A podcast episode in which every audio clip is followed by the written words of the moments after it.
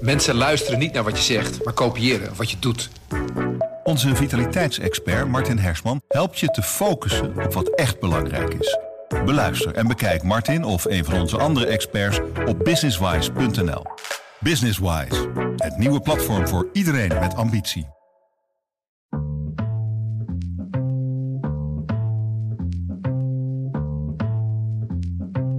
Ik heb de indruk dat dat rapport van die ene agent de oogleppen heeft geopend bij een aantal mensen. En die hebben gezegd van, wow, we moeten veel kritischer kijken naar wat daar gebeurt.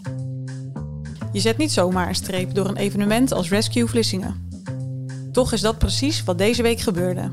En de kans lijkt klein dat Rescue ooit nog terugkomt. Verslaggever Emiel Calon zocht uit hoe het zo mis kon gaan. Dit is de PZC deze week. Mijn naam is Noortje de Kroo. En mijn naam is Rolf Bosboom. Ben jij alle edities geweest? Ik ben er bij, bij een paar geweest. Als je van houdt, is het leuk. Brandweerauto's, politieauto's, ambulances, van alles. Ik heb een, uh, een zoontje van uh, twee, bijna drie. Nou ja, die is helemaal gek van brandweerauto's, helikopters. Dus ja, best wel jammer ja. eigenlijk dat ik er nu niet naartoe kan met Ja. hem. Nee, rescue is gewoon een hele mooi. Als je daarvan houdt, is toch geweldig. Want stel nou dat het gewoon weer doorgaat, dan, ehm, oké, mijn zoontje is dan eh, vier, bijna vijf. Wat kan hij dan allemaal gaan doen?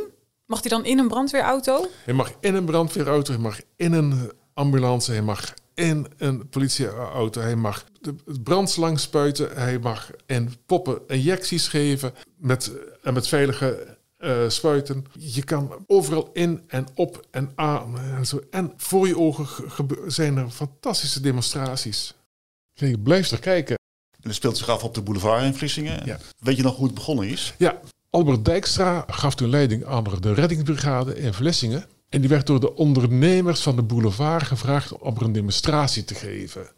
En die dacht, ja, dat kan ik wel doen, maar waarom niet- wat groter? Dus dan heeft, hij- die heeft, die heeft hij contacten eigenlijk van mensen van de brandweer uitgenodigd, erbij van, de politie, van eh, nou ja, ambulances erbij genodigd. En dat was gewoon een leuke dag. Het is hem toen zelfs gelukt om een helikopter van de Koninklijke Marine naar Vlissingen te krijgen, die, die een demonstratie gaf. Die vloog laag, laag over het water. Eh, in mijn herinnering vloog hij een paar keer daar, eh, daarover. Nou ja, spectaculair was dat. En de afloop kreeg Albert Dijkstra heel veel vragen van allerlei mensen van waarom worden wij niet uitgenodigd? Va- Van het brandweermuseum tot en met reddingsdiensten. Al die mensen die in, bij die reddingsdiensten zitten, die vonden het een geweldig moment om te laten zien wat ze kunnen, wat ze hebben, wie ze zijn. En Albert Dijkstra is heel slim geweest. Die heeft het om de twee jaar gedaan. Want het, het gebeurt wel in de zomer. Mensen moeten er vrij voor nemen. Moeten er vakantie voor aanpassen. Tenminste,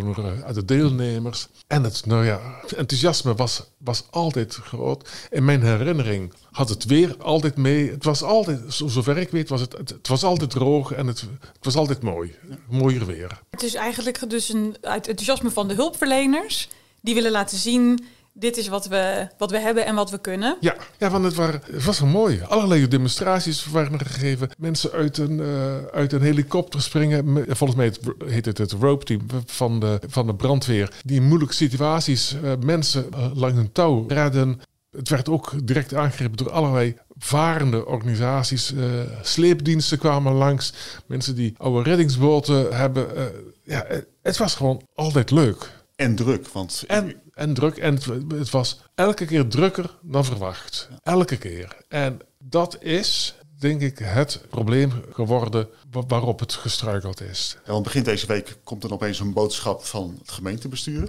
Ja. Maandagavond Nee, nee, niet, niet de gemeentebestuur, de burgemeester. van de burgemeester. Ja. Die zegt gewoon, nou ja, ik heb de vergunningaanvraag niet in behandeling genomen omdat die niet compleet is. Ja. Was die boodschap, was dat nou echt een donderslag bij heldere hemel? Voor, nou, voor mij wel. Voor de organisatie was het niet een donderslag bij helder hemel. Eh, de organisatie was uiteindelijk wel verrast dat dit besluit genomen is. Ze hadden hele, hele goede hoop op dat het uiteindelijk wel zou lukken. Ze hebben verslagen hebben ze openbaar gemaakt over hoe dat allemaal gelopen is. En dan zie je dat ze tijdens de laatste bespreking komen ze bij elkaar. En dan zeggen de veiligheidsdiensten, we willen even apart vergaderen.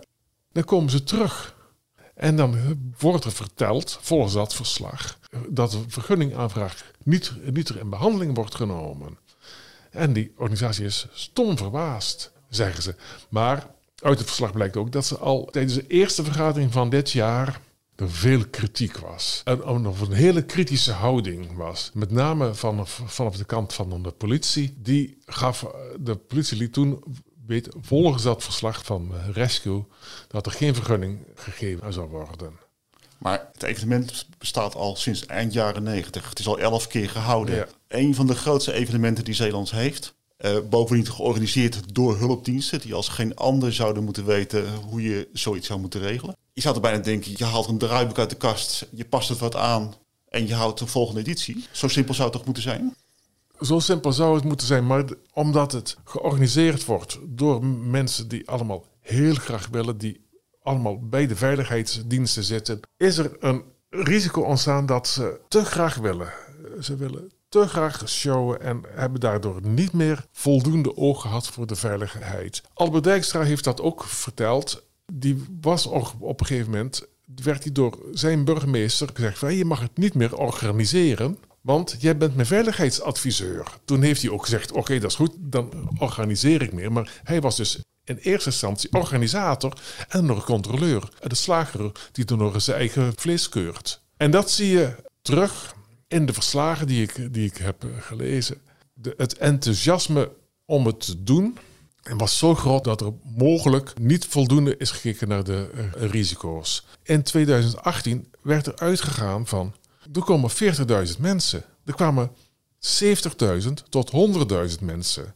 Volgens de gemeente 70.000 voor de organisatie 100.000. En daar was de organisatie niet op berekend. Het, het was te druk. Als er toen iets gebeurd was, iets ernstigs gebeurd was, dan, dan zou het er slecht uitgepakt hebben. Bijvoorbeeld, straten waren nauwelijks nog bereikbaar voor de brandweer. Als er een brandje was geweest, had de brandweer niet ter plaatse kunnen. Als er op het evenemententerrein iets ernstigs was gebeurd, en mensen waren gaan rennen, had de organisatie niet ter plekke kunnen komen. Want er waren geen aparte straten vrijgehouden voor dan de, uh, de hulpdiensten. Die zouden gewoon tegen de stroom vluchtende mensen in hebben moeten uh, lopen, moeten rijden. Nee, dat kan niet. Was het daar onveilig? Er is niets, niets gebeurd. Nou, uit de evaluatie van 2018 is gewoon lovend. Maar in 2019 is een politieagent die een cursus volgde over ja, het organiseren van evenementen en met name kijken naar de veiligheid, is nog eens heel kritisch teruggekeken. Tot zijn grote verrassing nam hij toch op een aantal punten die gewoon fout waren. Zo stond er bij een van de toegangswegen stond er een kraam. Als het evenemententrein ontruimd had moeten worden, stond de kraam in de weg. Er was een commandopost, die stond midden op het terrein. Als er iets gebeurd was, en er waren dus minimaal 70.000 mensen, had niemand van buiten snel bij dan uh, die commandopost kunnen, kunnen komen. Het was niet mogelijk geweest om dan snel in te grijpen. Maar dat was dus in 2019? Dat 2018. Is jaar, 2018, dat is vier jaar geleden. Dus dan zou je toch zeggen, nou verplaats die kraam, je zet dat centrum uh, ergens anders en je kan door met organiseren. Ja. Ik heb de indruk dat dat rapport van die ene agent de oogkleppen heeft geopend bij een aantal mensen. En die hebben gezegd van, wow, we moeten veel kritischer kijken naar wat daar gebeurt. Ondanks dat we het zelf organiseren, moeten we afstand nemen en kritisch kijken. En in 2020 kon ik niet doorgaan, in 2021 kon ik niet doorgaan. In 2022 zou het doorgaan en het lag een heel mooi draaiboek. Er zou van alles gebeuren. Maar de burgemeester heeft gezegd: het is niet veilig. Zoals Albert Dijkstra zegt: met veiligheid mag je niet sjoemelen.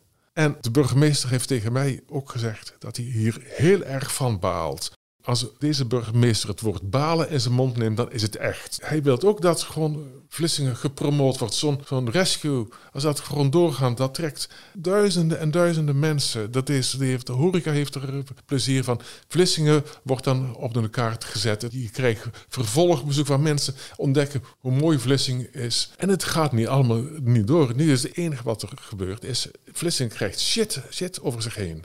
Ik heb wat reacties op sociale media gezien. En ja, de bagger stroomt weer over Vlissingen. Maar hoe kan het nou dat het zo kort van tevoren pas bekend is geworden? dat dit besluit is genomen? Volgens de burgemeester moet zes weken voor een evenement plaatsvinden alle vergunningen binnen zijn. Het draaiboek moet dan compleet zijn. Volgens de burgemeester is er vooraf vaker op gewezen dat het draaiboek nog niet compleet zijn. Dat er dingen ontbreken waardoor er een groot risico is dat er geen vergunning verleend kan worden. Ze hebben uitstel gekregen. Deze week, deze maandag, heeft de burgemeester uh, de knoop doorgehaakt. Die heeft gezegd, het is te laat, het kan niet meer. Daardoor heb ik besloten om de aanvraag niet, niet nog in behandeling te nemen. En is het klaar? Wat doet dit eigenlijk met het imago van Vlissingen als evenementenstad, als, als plek waar heel veel gebeurt? Ik hoop en ik denk dat het uiteindelijk zich goed komt. Het bewijst dat Vlissingen op veiligheid let. En met veiligheid mag je niet zoemelen. Maar denk jij dat rescue, en vergeef mij de woordspeling, nog te, te redden is? Dat is heel moeilijk te zeggen. Door het niet doorgaan van rescue eh, heeft de organisatie en heeft het evenement een beladen naam gekregen. Zeker ook in de wereld van de hulpverleners. Die zullen allemaal zeggen van daar is iets aan de hand. De vrijwilligers hebben gezien dat 2020 niet door kon gaan, 2021 niet doorgaan, nu gaat 2022 ook niet door. Zijn die volgende keer nog dan te motiveren? En is de organisatie achter Rescue nu nog te motiveren om dit nog eens op te zetten? Ik weet het niet. Nou, ik hoop van wel, want het, nou, het evenement is fantastisch. De boulevard is een fantastische plek om dit, dit te laten zien. Een mooier decor heb je niet. Laten we maar hopen dat, dat Rescue 2023 of 2024 uh, eh, weer, iets, weer iets fantastisch wordt. Het zou eeuwig zonde zijn als het hiermee afgelopen zou zijn. Het is een uh, evenement wat vele tienduizenden mensen trekt. Wat, wat Vlissingen op de kaart zet. Ja, la, laten we dat hopen. Want is het ook echt een uniek evenement hier? Is het alleen in Zeeland uh, in Vlissingen of uh, gebeurt het ook elders in Nederland? Ik, ik ken geen vergelijkbare voorbeelden. Maar... Nee, nee je, hebt, je hebt dingen die er een beetje op lijken zijn de marinedagen. En de havendagen in Rotterdam lijkt er ook een beetje op. Maar zoiets waar zoveel organisaties bij elkaar komen. Waar bijvoorbeeld in 2018 waren er Lamborghinis van de Italiaanse politie. Wanneer zie je die? Nog toch nooit? En wanneer kan je op zo'n korte afstand shows van, van een F-16 zien? Allemaal sleepboten die met, met hun brandkanonnen open op 150 meter afstand van je varen. Ik denk, dat zie je niet uh, elders. Ja, het is bijna een soort militaire parade in die zin dat men wil laten zien wat, wat we allemaal in huis hebben. Hoe goed voorbereid te zijn op rampen. En dan is het wel heel ironisch dat uitgerekend dit evenement onder zware druk staat en misschien wel verloren gaat. Juist omdat de veiligheid in het geding is. Ja, heel, heel erg terug. Heel erg jammer. Het is iets moois. En ik hoop echt van harte dat het iedereen bereid is om volgend jaar of het jaar erop weer het op te pakken. En dat gemeenten veiligheidsorganisaties en rescue zeggen van... En dit laten we niet nog eens gebeuren. We, gaan nu samen ook de schouders eronder zetten... en we gaan zorgen dat er nou ja, fantastische rescue komt. Dit was de PZC deze week. Lees het laatste nieuws over het afblazen van Rescue op pzc.nl. Wij gaan er een paar weken tussenuit en zijn begin september terug. Tot dan!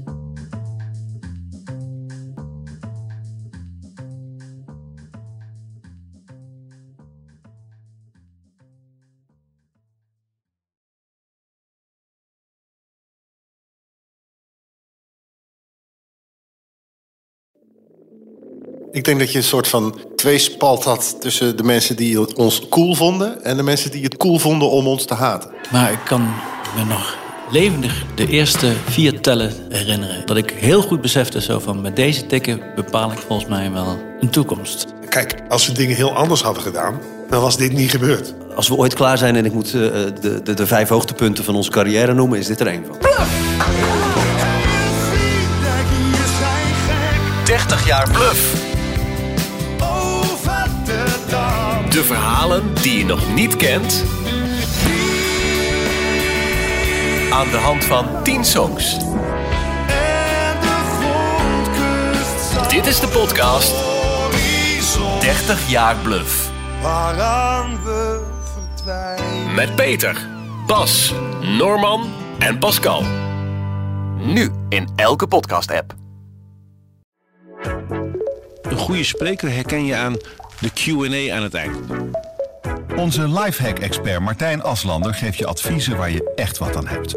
Beluister en bekijk Martijn of een van onze andere experts op businesswise.nl. Businesswise, het nieuwe platform voor iedereen met ambitie.